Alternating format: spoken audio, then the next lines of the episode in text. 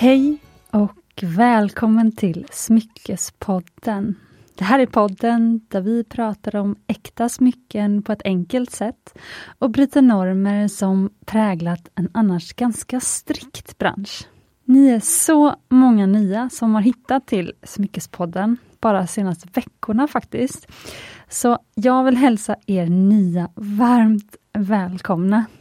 Och både för er trogna, härliga lyssnare och er nya, så tänkte jag att det kanske är dags att påminna er lite om varför den här podden finns. Så jag tänkte jag skulle inleda med det idag faktiskt. För det här är podden för dig som drömmer om att skapa din egen personliga smyckesamling.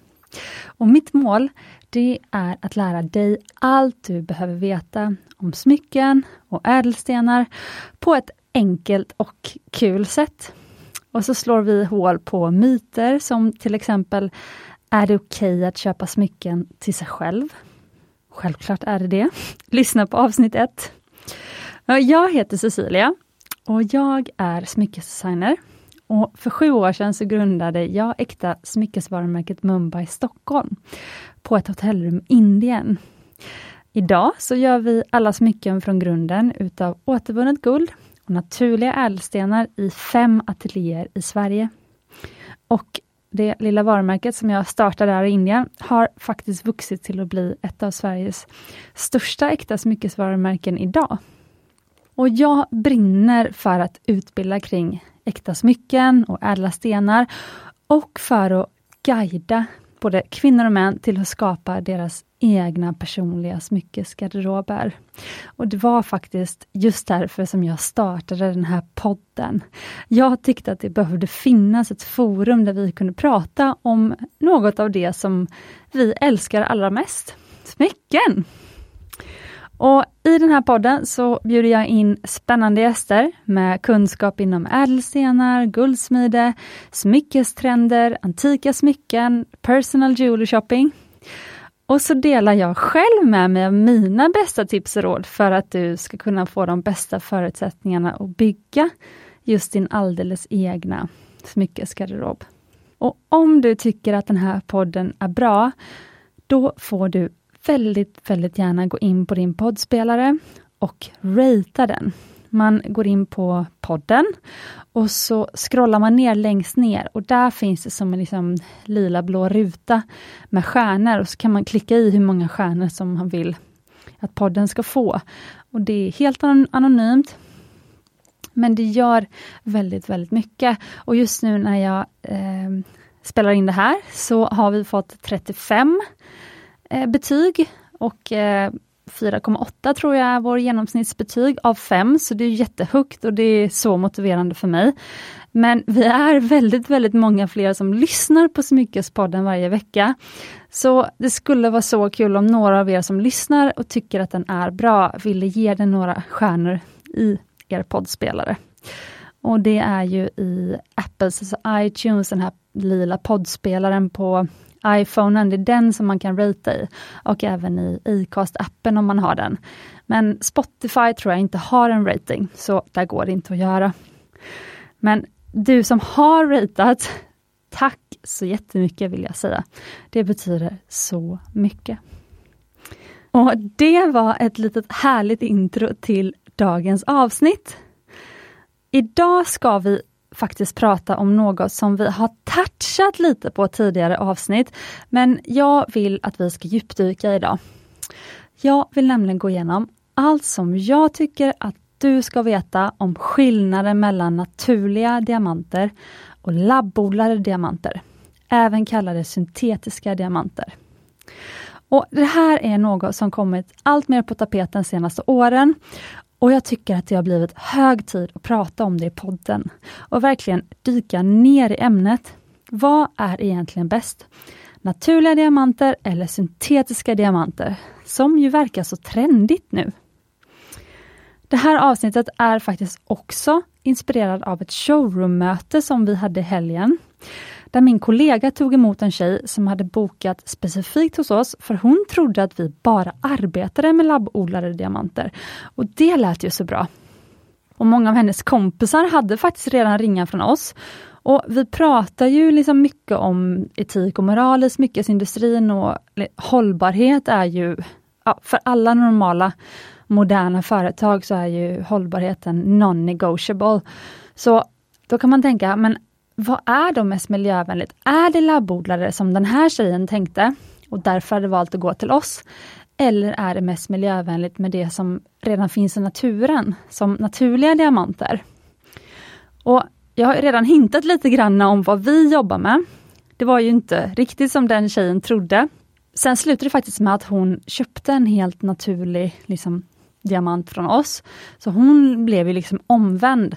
Men vi får se om vad du som lyssnar, om du kommer bli omvänd eller vad du tycker. Det finns ju inte riktigt något rätt eller fel ska jag säga här. Det är mycket information och kunskap och forskning som är i sin linda. Men jag vill att du ska veta allt det som finns, den information som finns tillgänglig nu. Den som jag har tagit till mig för att ta beslut om vilka ädelstenar jag vill ha använda i min bajsmycken. Och jag vill att du ska ha samma information tillgänglig, så du kan ta beslut vad du vill använda i dina smycken. Antingen om du köper själv eller om du kanske skapar egna. Det som jag tror att vi alla har gemensamt som lyssnar på det här avsnittet, det är ju att vi alla vill att det ska finnas en vacker värld kvar även om många, många år. Och frågan är ju då den frågan som vi liksom alla ställer sig. Vilken är den bästa vägen dit? Och det vill vi ta reda på. Men så jag tänkte i det här avsnittet dela det som jag vet om labbodlade versus naturliga ädelstenar. Hur du kan välja mellan dem.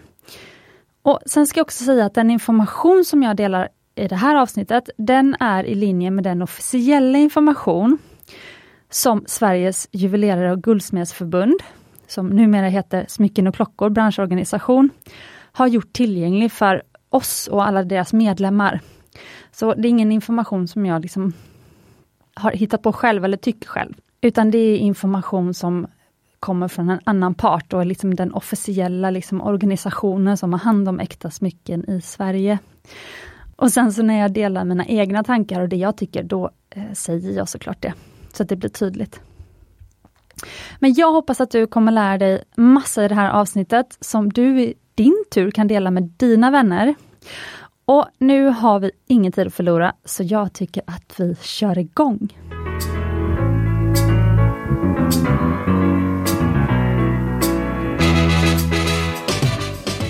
Och Först tänkte jag att vi ska gå igenom definitioner. Vad är en diamant? Vad är en naturlig diamant? Och vad är en syntetisk? Och Vi börjar med diamant.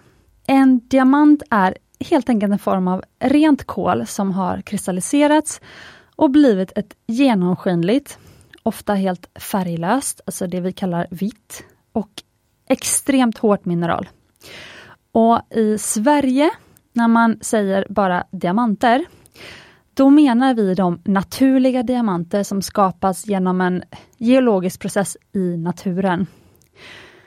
Och konstgjorda diamanter, de måste benämnas med prefixet syntetisk.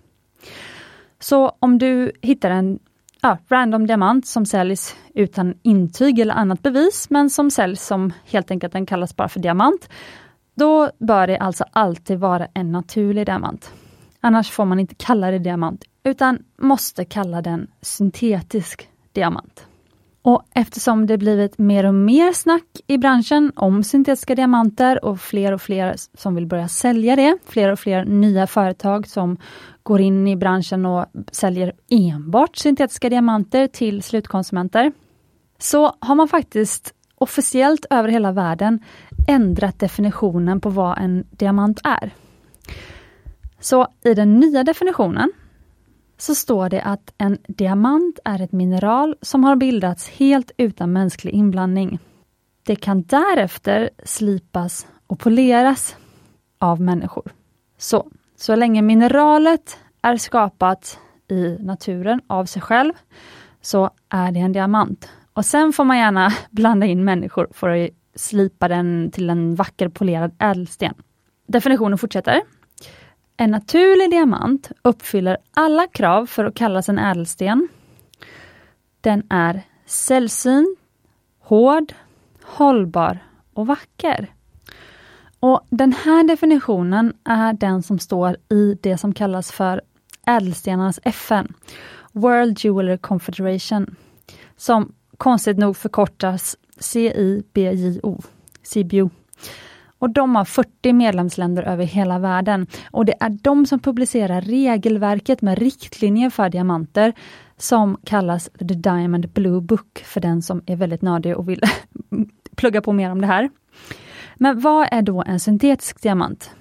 Jo, det är en diamant som är skapad artificiellt av människor, därför kallas de också man-made diamonds, genom en kontrollerad process i ett laboratorium. Och Andra namn på syntetiska diamanter som ni kanske kommer stöta på, det är till exempel då labbodlad diamant, odlad diamant eller konstgjord diamant. Och Faktum är att det stora landet USA år 2018 tog bort ordet naturligt i definitionen av en diamant. Jag vet inte om det beror på att det var väldigt bra lobbying från de syntetiska diamantföretagen. Men numera så säljs i USA både naturliga och syntetiska diamanter som bara diamanter. Sen står det i och för sig att så länge det är så att säga tydligt utifrån sammanhanget att det inte är naturligt, då behöver du inte använda ordet syntetisk alls i USA. Så en vanlig diamant som, som där du inte har någon anledning att tro att den är syntetisk, den ska alltså då vara naturlig även i USA, men det är ju ändå lurigt för det kan ju stå i något finstilt eller sådär. Så om du handlar diamanter i USA, du kanske märker att du får ett väldigt bra pris eller det verkar lite för bra för att vara sant. Då bör du liksom fråga säljaren specifikt, är den, är den konstgjord, är den naturlig och så vidare. Vi kommer gå in mer på priser och skillnaden i priserna lite längre, ehm, ja, lite senare i avsnittet. Men i Sverige så måste man som sagt använda prefixet syntetiskt när man hänvisar till icke-naturliga diamanter. Och Det här är för att Sverige är medlemmar i det här World Jewel Confederation, ädelstenarnas FN. Och det är inte USA, så de kommer undan. Men även Sveriges gemologiska riksförening, de använder det här som liksom sin standard. Alltså att man måste eh, kalla en syntetisk diamant för syntetisk. Och hur bildas då de här diamanterna? Vad är skillnaden mellan en naturlig och en syntetisk? En naturlig diamant bildas djupt, djupt nere i jorden. Det är en process alltså, som tagit många, många, många år, men där högt tryck och hög temperatur binder de här kolatomerna samman, tillsammans i den där unika strukturen som blir en diamant. Det extremt, extremt hårda materialet som finns nästan inget annat material som är lika hårt som en diamant. Nu har man hittat några, men generellt. Och De naturliga diamanter som vi liksom hittar på jorden idag, de är ungefär 3 miljarder år gamla. Väldigt gamla alltså. Men syntetiska diamanter däremot, de växer då i ett laboratorium där man helt enkelt återskapar exakt samma förhållanden med extremt högt tryck, extremt hög temperatur, artificiellt. Och En syntetisk diamant behöver bara ett par dagar för att växa. En 10 karat diamant tar 10 dagar att växa artificiellt. Väldigt mycket snabbare alltså. Men det som är det luriga och det sjukt intressanta, det är att en syntetisk diamant har precis samma kemiska egenskaper som en naturlig diamant. Alltså den är lika hård, den har, alltså den, den, är, den är, har exakt samma uppbyggnad, så det är liksom inte som att jämföra plast och glas, utan det är liksom samma kemiska struktur. Men därför blev det ju en sjukt stor grej när den här syntetiska processen för att odla diamanter utvecklades på 1950-talet. För att eftersom produktionen av syntetiska diamanter var mycket billigare och utbudet oändligt, så innebar ju det att diamanter kunde användas i ännu större utsträckning för industriella ändamål, vilket liksom var fokuset för de syntetiska diamanterna från början. Och det var faktiskt ett industriföretag, General Electric, som var först med att patentera processen och skapa syntetiska diamanter. Det var alltså inte De Beers eller något diamantföretag, utan det var för industrin. Eftersom diamant är ett så sjukt hårt material, så används ju diamanter liksom mycket i fabriker och i industrin för att den kan skära så hårt och borra så hårt och liksom väldigt bra material att använda även för det. Men sen på 80-talet, då blev det plötsligt möjligt att skapa ädelstenskvalitet på syntetiska diamanter. Och ädelstenskvalitet betyder att de är då väldigt vackra, de är klara, de är vita, de är väldigt vackra. Och det var då de började användas i smycken. Och innan det här så hade syntetiska diamanter kanske nästan alltid varit gula i färgen. De hade för många inneslutningar för att vara snygga i smycken. Men idag så är de syntetiska diamanterna nästan alltid felfria eftersom man kan skapa så perfekta förhållanden i ett labb.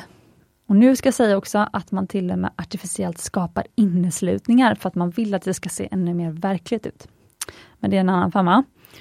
Och vi kan bara superkort gå in på de här två olika metoderna som finns för att odla syntetiska diamanter. Det ena heter HPHT, High Pressure High Temperature. Och där använder man en syntetisk diamantkristall som utgångspunkt och sen tillsätts kolatomer och väte. Sen får det växa. Och sen har vi den andra som heter CVD, Chemical Vapor Deposition.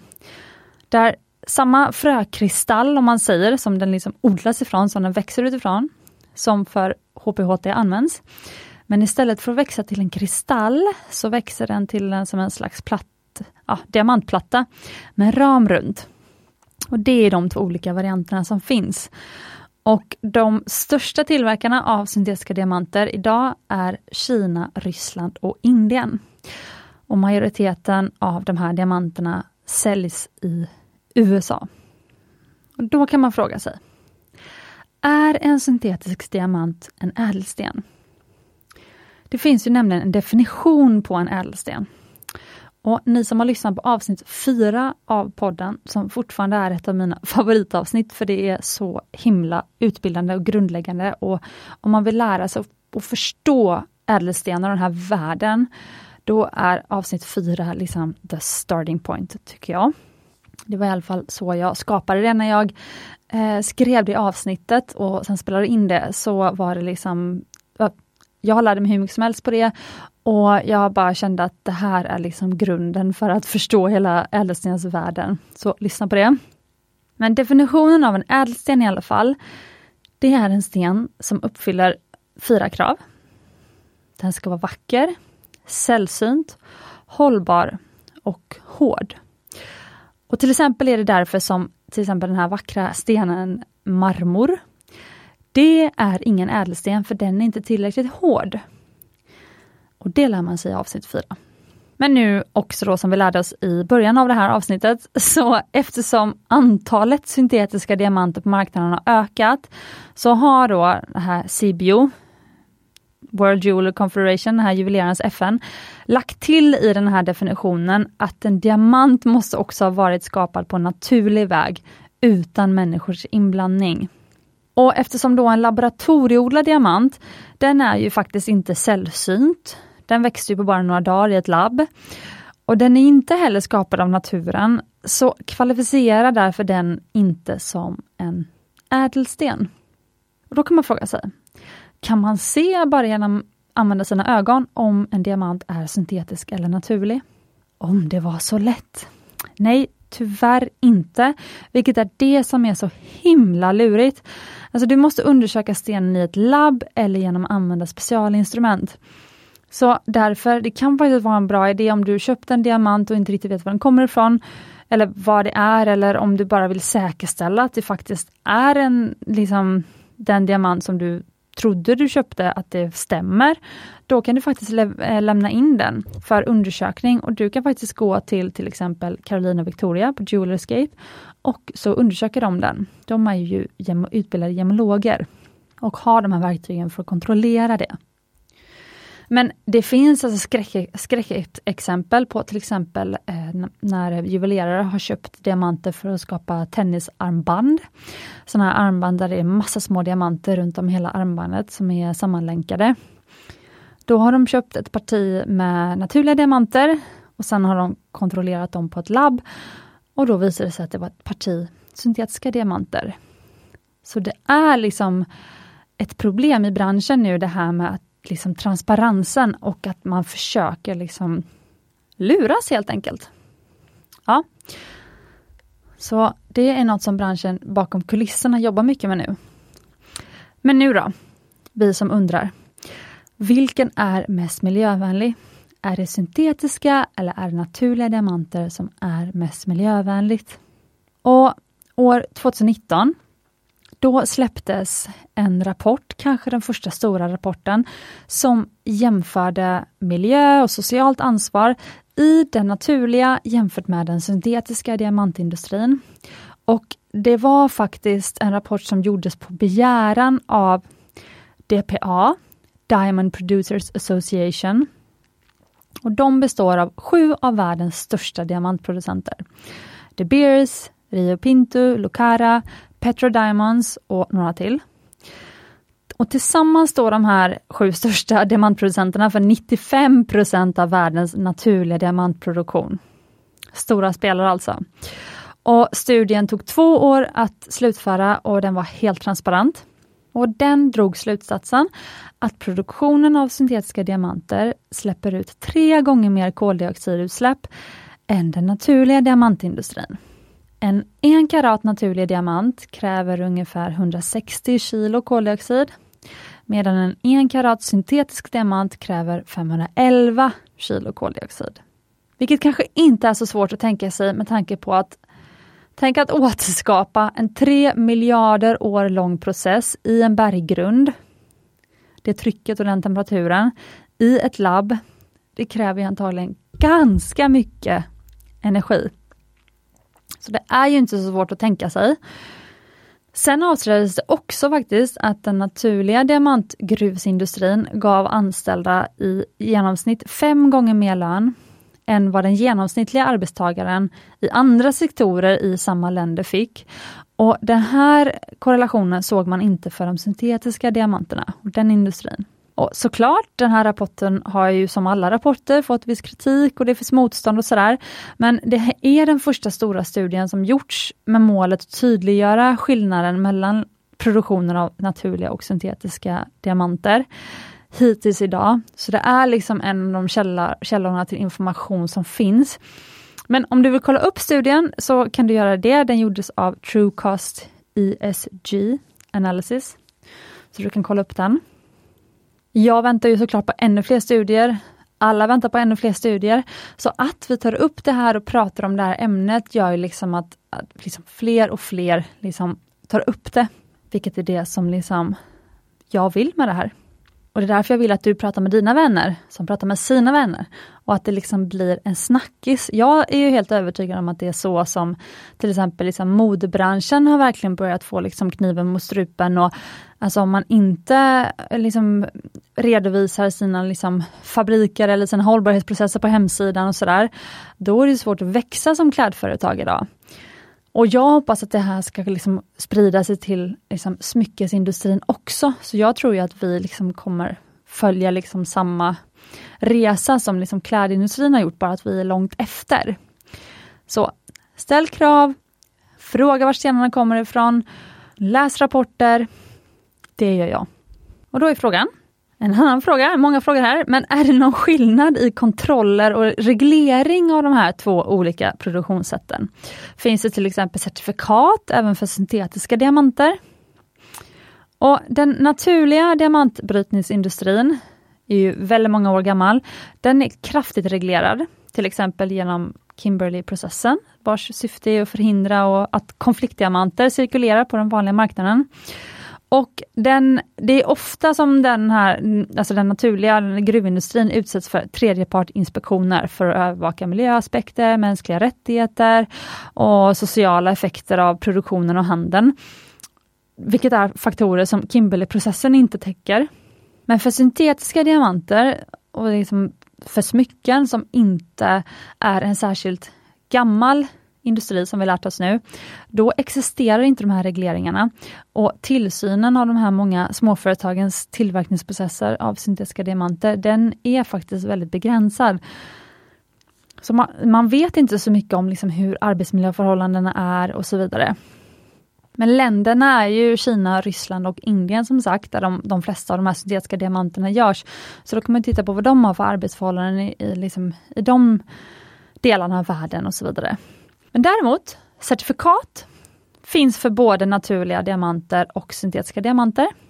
Alltså alla stora certifieringsföretag idag, alltså GIA, HRD, IGI, de erbjuder certifikat som visar kvaliteten på slipning, karat, klarhet, alltså inneslutningar och färg. Så certifikaten visar kvaliteten på de fyra C Cut, Clarity, Color och Carat. Och för att man ska kunna skilja mellan syntetiska och naturliga så skrivs de här certifikaten för syntetiska diamanter, de skrivs ut i andra färger. Som man enkelt ska kunna se liksom på certifikatet om det är en naturlig eller en äkta sten. Förlåt, naturliga, naturlig eller syntetisk sten. Men det som är viktigt att ha i åtanke, för det låter ju så fint med certifikat, men certifikat visar ju alltså bara vad ska jag säga, den synliga kvaliteten på en viss sten. Alltså till exempel ett certifikat från GIA visar ju inte om produktionssättet har varit etiskt eller hållbart. Den visar heller inte om det liksom, ja, pågått något hemskt bakom kulisserna. Utan certifikatet visar ju bara, ja men vilken klarhet har just den här stenen, är den bra slipad och sådär. Och Syftet med certifikatet är ju att man ska liksom veta vad man ska betala för stenen. Alltså så ingen kan lura dig och säga att stenen är finare än den är och så ska du betala ett dyrare pris. För certifikatet baseras ju på sånt som någon har suttit med lupp och förstorat tio gånger har kollat. Man kanske sätter en inneslutning på liksom tio gånger förstoring och det gör att det blir lägre kvalitet och lägre pris på stenen. Men det ser ju inte du som konsument för du har ju bara blotta ögat att titta på. Därför vill jag se på certifikatet exakt vad den har för kvalitetsgrad så att du inte betalar ett för högt pris. Det andra anledningen att liksom ha certifikat är ju såklart att värdet på andrahandsmarknaden ska upprätthållas. Alltså du har mycket lättare att sälja din sten till ett bra pris eller smycke med en sten till ett bra pris om du har certifikat till det. Och sen så, det tredje anledningen är ju såklart att man, alltså för ens egen skull, det är väldigt roligt att veta liksom vilken, vad för kvalitet på sten man har köpt. Är det en H eller G färg och liksom, vad är det för klarhet och sådär. Och exakt vad är det för karat? Det är ju sällan som en enkaratsten väger exakt en karat. Den kanske väger 1,03 eller 0,98 och sånt där. Och nu kommer vi då till det spännande som är, vad är priset på en syntetisk diamant jämfört med en naturlig? Och eftersom du kan producera en obegränsad mängd och mycket snabbare så är syntetiska diamanter mycket lägre prissatta än naturliga diamanter. Men just eftersom marknaden för syntetiska diamanter är så himla oreglerad så och dessutom så får ju liksom vi, alltså, eller konsumenterna, alltså liksom slutkunden som köper de här stenarna och smyckena med stenarna i, de får ju väldigt begränsad information vilket jag vill ändra på med den här podden bland annat. Men det betyder att en syntetisk diamant kan variera mellan 10 till 90% jämfört med en naturlig diamant med samma karat kvalitet. Alltså på någon hemsida eller hos någon försäljare så kanske du får betala nästan lika mycket för en halvkarat naturlig som en halvkarat syntetisk. Medan hos en annan försäljare så får du betala bara en bråkdel av priset för en syntetiska jämfört med vad, sam, vad samma karat naturlig kostar. Men det verkar faktiskt som om marknaden håller på att fånga upp det här. Fler och fler producenter dyker upp, vilket ökar utbudet på syntetiska diamanter. Och det resulterar i att priset på syntetiska diamanter minskar mer och mer, bara av den anledningen. Och en annan sak man kan fundera på är ju kanske om syntetiska diamanter ändå har ett andrahandsvärde. Finns det en begagnat marknad för syntetiska diamanter? Och nej, det finns det inte. Eller inga pantbanker, auktionshus eller vinterbutiker vill handla med dem. Du kanske kan sälja den på Blocket, jag vet inte. Men långsiktigt så tror många i branschen att syntetiska diamanter kommer att förlora sitt värde helt. På precis samma sätt som syntetiska rubiner och safirer tappade i värde under 1900-talet. För de kom ju långt tidigare. Och fun fact är faktiskt att liksom hela yrket gemolog, alltså den här läran om ädelstenar, det uppkom på typ 1920-talet. jag, jag för mig att det var 1925, jag har sagt det i ett annat avsnitt. Men det var för att man ville eh, utbilda sig i hur man kunde separera syntetiska rubriner från naturliga. Och det var det de första gemologiska labben gjorde faktiskt. Men nu så är det ingen liksom som eh, åtrår syntetiska safirer eller rubiner. Så att liksom, om man ska gissa då, så är det många då, speciellt de som sysslar med värdering av smycke och just det här, de som sitter på andrahandsmarknaden och säljer vidare smycken. De tror ju inte långsiktigt på värdet i syntetiska diamanter och därför så jobbar inte de med det. Men då kan man ju fundera lite grann på varför så många smyckesföretag älskar labbodlade diamanter. Och jag själv kan ju bli lite sådär sugen på, alltså vi förlorar ju många kunder på att inte vi säljer labbodlade diamanter. Så jag, jag sa faktiskt det till min kollega att så här, vi kanske ska börja sälja syntetiska diamanter bara för att liksom kunderna ska ha något att jämföra med. Och liksom för att vi inte bara ska förlora kunder sådär. Sen så finns det mycket mer till det där.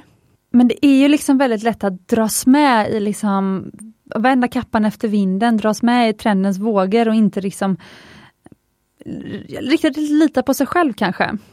Men det som jag tror är anledningen till att varför många smyckesföretag älskar labbodlade diamanter, det är ju att de är mycket billigare att ta fram. De är enklare att köpa in. Alltså, tänk att bara kunna lägga en beställning på 10 perfekta stenar. Alltså jag har väntat nu i en och en halv vecka på att en av mina leverantörer skulle hitta ett par perfekta trillion-slipade naturliga diamanter, en karat styck. Jag kan säga det var inte lätt att få fram. Så jag menar den här instant, liksom att det direkt går att få fram liksom en perfekt diamant i den färg man vill ha och sådär. Jag kan se att många lockas av det. Sen så är det också kanske enkelt att starta företag inom det eftersom det är en så oreglerad ma marknad. Det indikerar ju då att till exempel inte inträdesbarriärerna för att starta ett syntetiskt diamantföretag är mycket lägre än att gå in på i den, den naturliga diamantindustrin. Och sen så, så är de ju väldigt lättsålda. Alltså det finns ganska lite information för allmänheten så det räcker ju än så länge att liksom så att säga greenwasha om man, om man vill det. Alltså man kan skriva på sin hemsida att de är miljövänliga och så tror folk på dem för att det inte finns något liksom alternativ. Och det är mycket svårare faktiskt att sälja naturliga diamanter för att den här filmen till exempel, Blood Diamonds, liksom har skapat ett så stort liksom, mörkt täcke över den naturliga diamantindustrin. Och vissa liksom tror blint på det och tycker liksom att eh, nej men eh, eh, liksom, naturliga diamanter är ju liksom det värsta som finns på jorden. För att det inte heller finns någon nyanserad diskussion kring det. Och nu är ju den marknaden superreglerad. Det är mindre än 2% av alla diamanter ute på marknaden som liksom hör till de här konfliktdrabbade områdena. Och det finns en tydlig process, den här Kimberley-processen, för att ta reda på det. Men, men jag kan ju se att det hade varit enklare att hävda att det här nya nya flashiga som man inte vet så mycket om, ja men syntetiska diamanter, det är ju mycket bättre. Men i det här så vill jag nämna att jag tycker att det bästa exemplet är Lightbox Jewelry. Jag har nämnt dem flera gånger tidigare i podden. Och det var The Beers som är ett av världens största diamantföretag för naturliga diamanter. De startade ett systerföretag som heter Lightbox Jewelry. Och Lightbox Jewelry tillverkar och säljer bara syntetiska diamanter. De säljer blå, rosa och vita syntetiska diamanter. Alla i samma kvalitet och alla till samma pris. Och ett 1 karat syntetiskt diamantsmycke av Lightbox kostar alltid 800 US dollar. 8000 spänn. Och Lightbox slagord när de startade var för vänner, inte förlovade. For friends, not fiancés.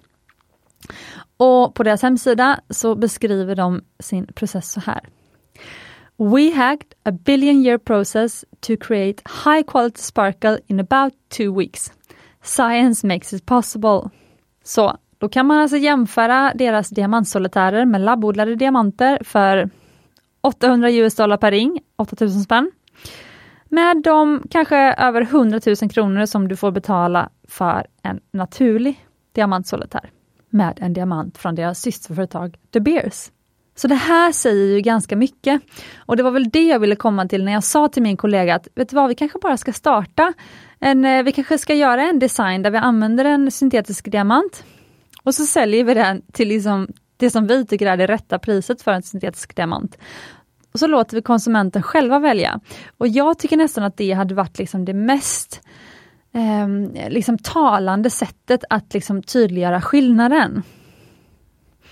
För jag tycker att labbodlade diamanter visst fyller sin plats. Alltså jag tycker att eh, den fyller samma plats som icke liksom ädelstenskvalitet diamanter fyller. Alltså de eh, liksom, diamanter som man hittar i naturen men som inte liksom, anses vara fina nog för att använda i smycken. De diamanter som kanske har en ful färg till exempel. Men de används ju i industrin istället. Och på samma sätt så kan labbodlade diamanter användas i industrin. Och i smycken så kan man också använda dem, som till exempel Lightbox Jewelry gör. Men det finns absolut ingen anledning att betala dyra pengar för en labbodlad diamant, för den har inget värde. Och det är väl det som jag tycker att du ska ta med dig från det här avsnittet. Och Jag tycker till och med om du, hittar, om du vill köpa en labbodlad diamant och så hittar du den till ett visst pris. Alltså skriv till mig på Smyckespoddens Instagram så kan jag kolla upp om det är rätt pris.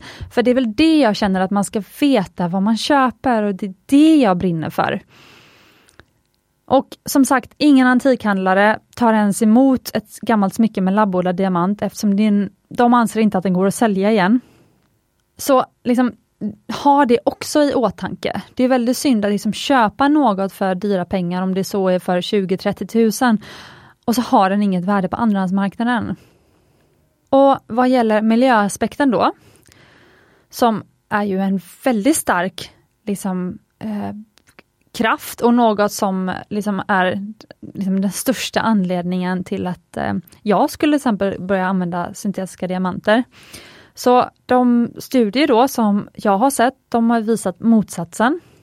Man har sett att brytningen av naturliga diamanter som redan finns i jorden, man skapar inget nytt material, släpper ut mindre koldioxid än de fabriker som skapar labbodlade diamanter gör. Och tills det kommer fler studier som istället i så fall visar att syntetiska är mer miljövänliga, så känner jag inte att jag kommer använda syntetiska diamanter. För jag vill att det ska vara långsiktigt hållbart för mina kunder. Alltså det handlar då både om värdet på andrahandsmarknaden ska vara långsiktigt. Jag vill att man ska kunna byta ut och förändra sin smyckeskollektion och att man liksom åtminstone ska kunna få tillbaka 50, 60, 70 procent av värdet för det man köpt, av nyvärdet som man köpte för på andrahandsmarknaden. Och jag vill att man ska kunna liksom ge vidare sina smycken efter många år och sådär. Och sen så ska det vara långsiktigt hållbart för miljön. Det är ju liksom mina två starka värdegrunder. Så jag försöker verkligen hålla mig så in the forefront av liksom de nya studier som kommer upp och så vidare. Och Mumbai är ju tyvärr ett så fruktansvärt litet företag fortfarande att vi har ju inte råd att göra en egen studie. Men det motiverar mig faktiskt till att växa Mumbai. För liksom, ju mer kunder man har, liksom, ju större man är på marknaden, liksom, ju mer pengar man har att röra sig med, ju fler liksom, eh, personer i branschen som tror på en, desto mer kan man ju påverka. Och hade jag haft råd, hade Mumbai varit hundra gånger större än vad det är idag, så hade jag lätt beställt en, eh, liksom, en egen undersökning av liksom en oberoende part för att titta på så här, vad är liksom alla miljöaspekter tillsammans av de här liksom olika ädelstensformerna. Sen ska jag säga en sak till. Det finns ju en del som är oroliga för förhållandena i gruvan, alltså i den naturliga diamantindustrin. Men som sagt så kontrolleras de ofta idag. Alltså det, den har ju, det har ju varit så mycket, det, alltså förr i tiden det var ju ändå olyckor och sånt i de här diamantgruvorna. Så att det har ju tvingats bli väldigt reglerat. Men sen så kan man fundera på om de länder där de flesta syntetiska diamanter gör, som Ryssland och Kina, har de arbetsmiljöförhållanden som man vill stå för? Och det här är ju frågor som är svårt med allt som handlar om produktion. Alltså vart gjordes min iPhone? I Kina antagligen. Har de bra arbetsmiljöförhållanden? Alltså micken jag pratar i nu, vart gjordes den?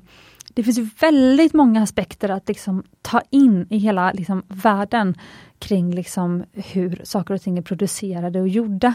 Och där får man liksom jobba bäst i sitt eget företag, så att det företaget du jobbar i, att du liksom kan stå för deras produktion. Och det jag försöker göra i mitt företag är att jag vill stå för våran produktion. Så jag tänker att så här, om vi alla tänker så och vi alla jobbar i olika företag, då kan man liksom påverka ner till liksom kärnan.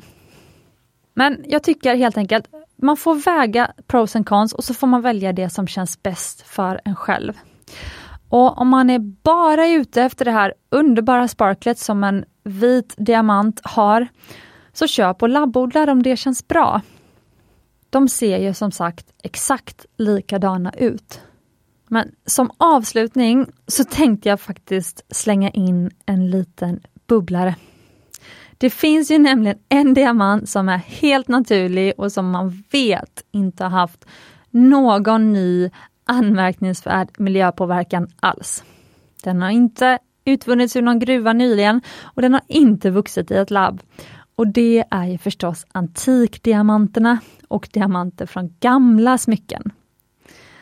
Så jag brinner verkligen för de här vintage ädelstenarna.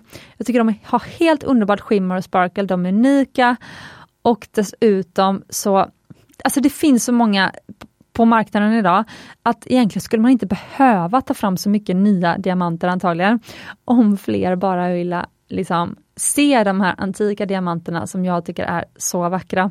Så det allra bästa ur miljösynpunkt skulle jag säga är antika diamanter. Så för att svara på poddfrågan, titeln på, den här, på det här avsnittet. Vad är bäst? Naturliga diamanter eller labbodlade diamanter?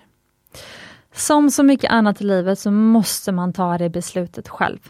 Och jag hoppas att du i det här avsnittet har fått mer kött på benen, att tankar har uppstått, att frågor har uppstått och att du faktiskt känner dig lite tryggare i vilket val du vill göra med dina ädelstenar. Och kanske även att du ställer en extra fråga där du är och handlar.